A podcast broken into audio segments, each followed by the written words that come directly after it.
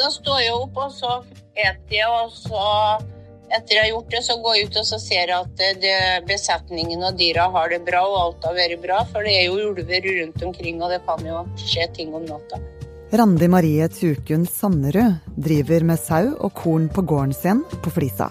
Det, det, det, må jo treskes nå da om en 14 dager, eller det kommer jo an på været, da. Da må det jo være treskerer og fremkomstmiddel for å komme hit. Og så, 20 mil unna, skjer det noe som er helt utenfor hennes kontroll. Her er NRK Dagsnytt klokka ni. 13 bru som går over E6 og Gudbrandsdalslågen har rast sammen. En bil og en lastebil havnet i vannet. 13 bru i Øyer kommune i Gudbrandsdalen har kollapsa. Politiet har fått melding Det er dårlig nytt for sauebonden. For etter at broen i Gudbrandsdalen raste sammen, stengte Vegvesenet 14 broer helt andre steder i Norge.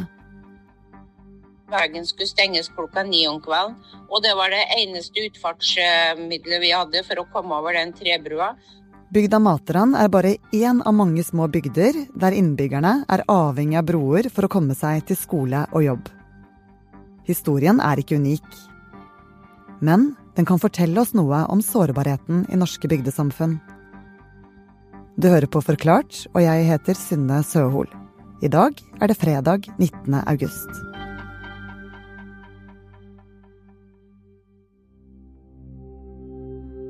På 13 så har jo et langt spenn av broa ligget nedi elva. Vannet har fossa rundt, bilene har jo stått i bratt, bratt eh, oppoverbakke på brua her. Eh, veibanen er knekt opp, ser omtrent ut som parkett som bare er knekt opp. Eh, treverket stikker ut i, rett ut i alle kanter der. Eh, så det har vært veldig, veldig krefter her. Og Torkjell Tredal, du er journalist her i Aftenposten og har jobbet tett med brokollapsen denne uka. Hva var det egentlig som skjedde?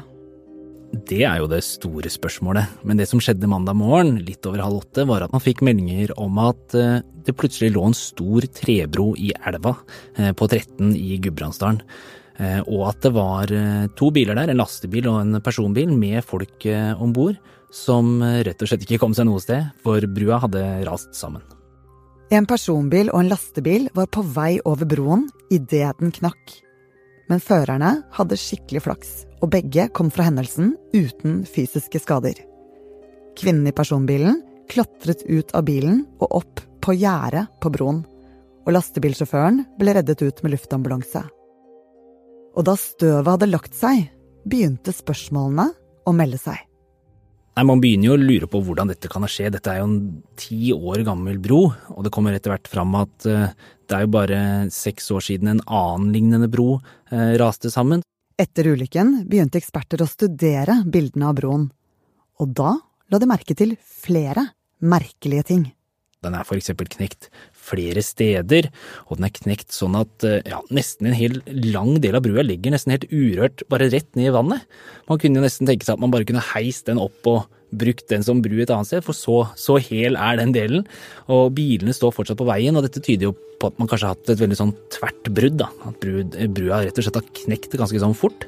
Eh, for det er liksom ikke vridd seg rundt så mye, brua har bare dettet rett ned. Og hva er det vi vet da om hva som eh, kan ha skjedd? Vi vet jo at denne broa må ha vært veldig overbelasta. Eh, den har jo tålt mye mindre enn det vi trodde den skulle tåle, og det den var dimensjonert for å tåle. Det vi vet nok nå, er at den trolig har røket i øst, altså foran denne lastebilen først. Og så er det jo noen ulike teorier. Har den eh, løsna i noen fester mellom stål og, og, treverk? Har det vært noe med dette nye fundamentet som man måtte sette opp i østsiden? Her er også brua på sitt svakeste. Det har også fagfolka som har bygd den påpekt. Og man gjorde noen grep for å forsterke disse områdene, men eh, vi venter jo fortsatt på svar. Statens vegvesen, Norconsult, de som har bygd dette her, de, de eh, har jo satt ned sine grupper, så det endelige svaret har vi ikke ennå, men det er kanskje noen teorier som peker i en retning. Men var det ingen som visste om eh, svakhetene fra før av?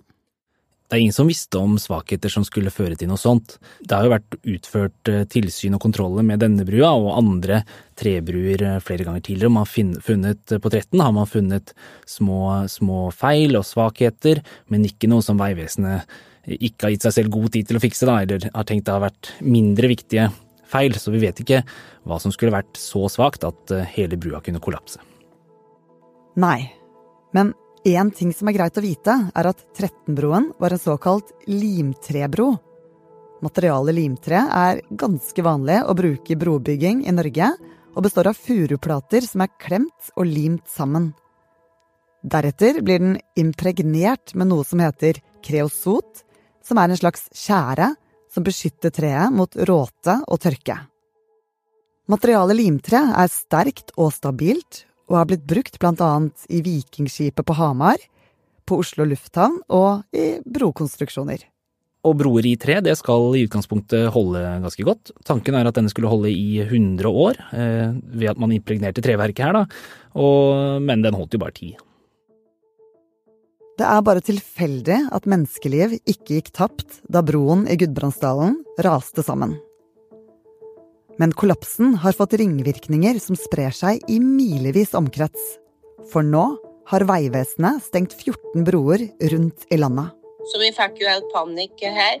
Og vi visste jo at vi måtte ut, og det Vi var avhengig av å ha en vei ut, både for brann og uh, ambulanser og Er norske bygdesamfunn rustet for slike hendelser?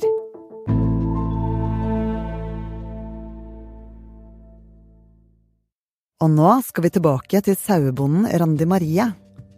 Hun er 63 år og bor på Matrand på Flisa, 20 mil unna Brolykken på 13. I den lille bygda bor det 18 folk mellom 4 måneder og 83 år, som nå har mistet veiforbindelsen til jobb og skole. På en litt dårlig telefonlinje beskriver Randi Marie hvordan det påvirker henne og dyrene. Det blir jo det at jeg blir eh, sperret inne her. For jeg kan jo ikke være inne her eh, uten verken mat til meg sjøl eller eh, til dyra eller kraftfôr eller noen ting. Så over lengre tid så hadde nok det vært store konsekvenser mer enn det ble nå. Det lager problemer for gården hennes. Treskinga først og fremst, da, som kommer før sauene skal sendes, da hadde jo den vært stående ute og blitt ødelagt, den avlinga. Så det hadde jo vært et stort tap. Og for det første for, eh, og så skulle lamunger og det sendes, så hadde vi ikke fått levert de heller. Da hadde vi da måttet gå til skogen med dem da, i, til å komme til en annen gard. For det er jo nabogårder, men det er jo skog og bare stier. Så da hadde vi vært isolert. Det er jo folk som har unger og skal på jobb og alt som er. og det er ikke alle som har to biler som de kan parkere på andre sida og så kjøre til denne sida. Og Torkjell, nå er altså 14 broer, de fleste på Østlandet og én på Valdres og én i Nordland, stengt av Vegvesenet. Hvorfor stengte de disse broene? Ja, først ville de jo ikke stenge dem. Først så sa de at det var ikke noen De så ikke noen grunn til at uh, man, man, skulle stenge dem. Det var ikke noe som tyda på at de var uh, bygd dårlig. Uh, man hadde jo gjort kontroller, men så tok det et lite døgn, og da ble vel kanskje usikkerheten for stor. Risikoen er jo stor å bære, så, så da valgte man å, å stenge disse broene, og man skal undersøke dem før man åpner dem igjen. Hvorfor ombestemte det seg da?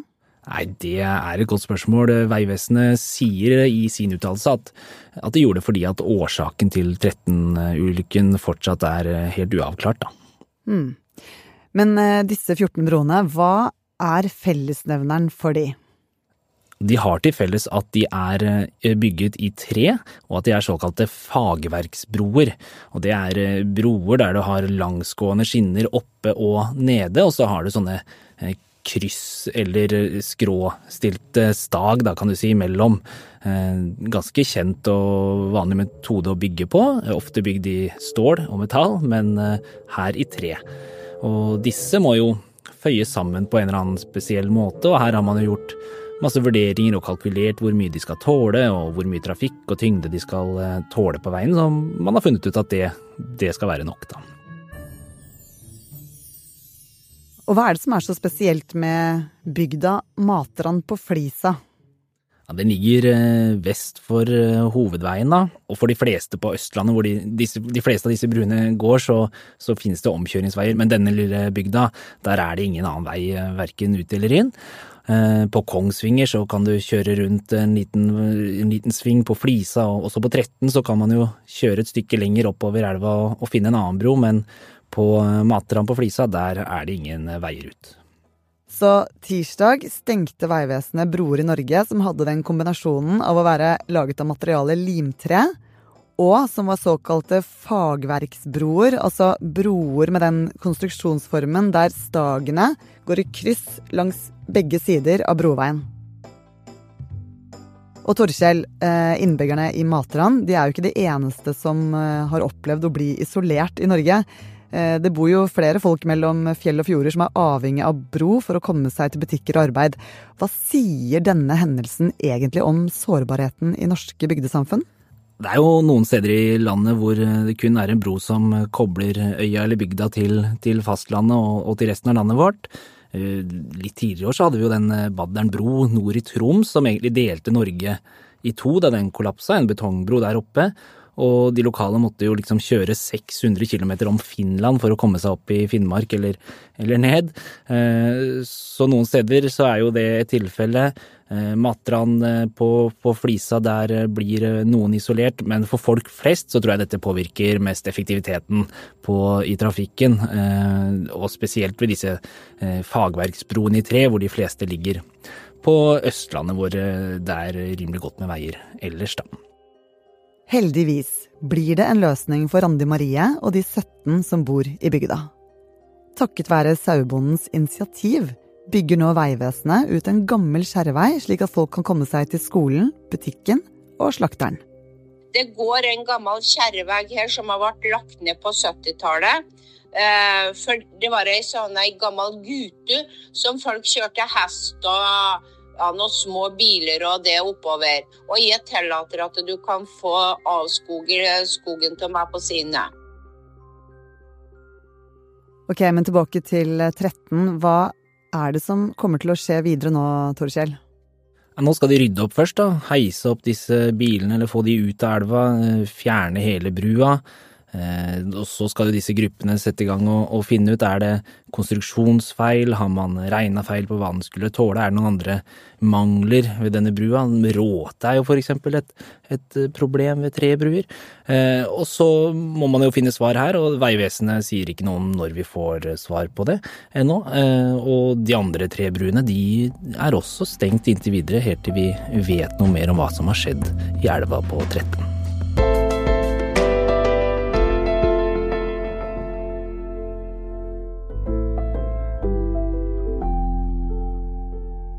I denne episoden har du hørt journalist i Aftenposten Torkjell Tredal forklare brokollapsen.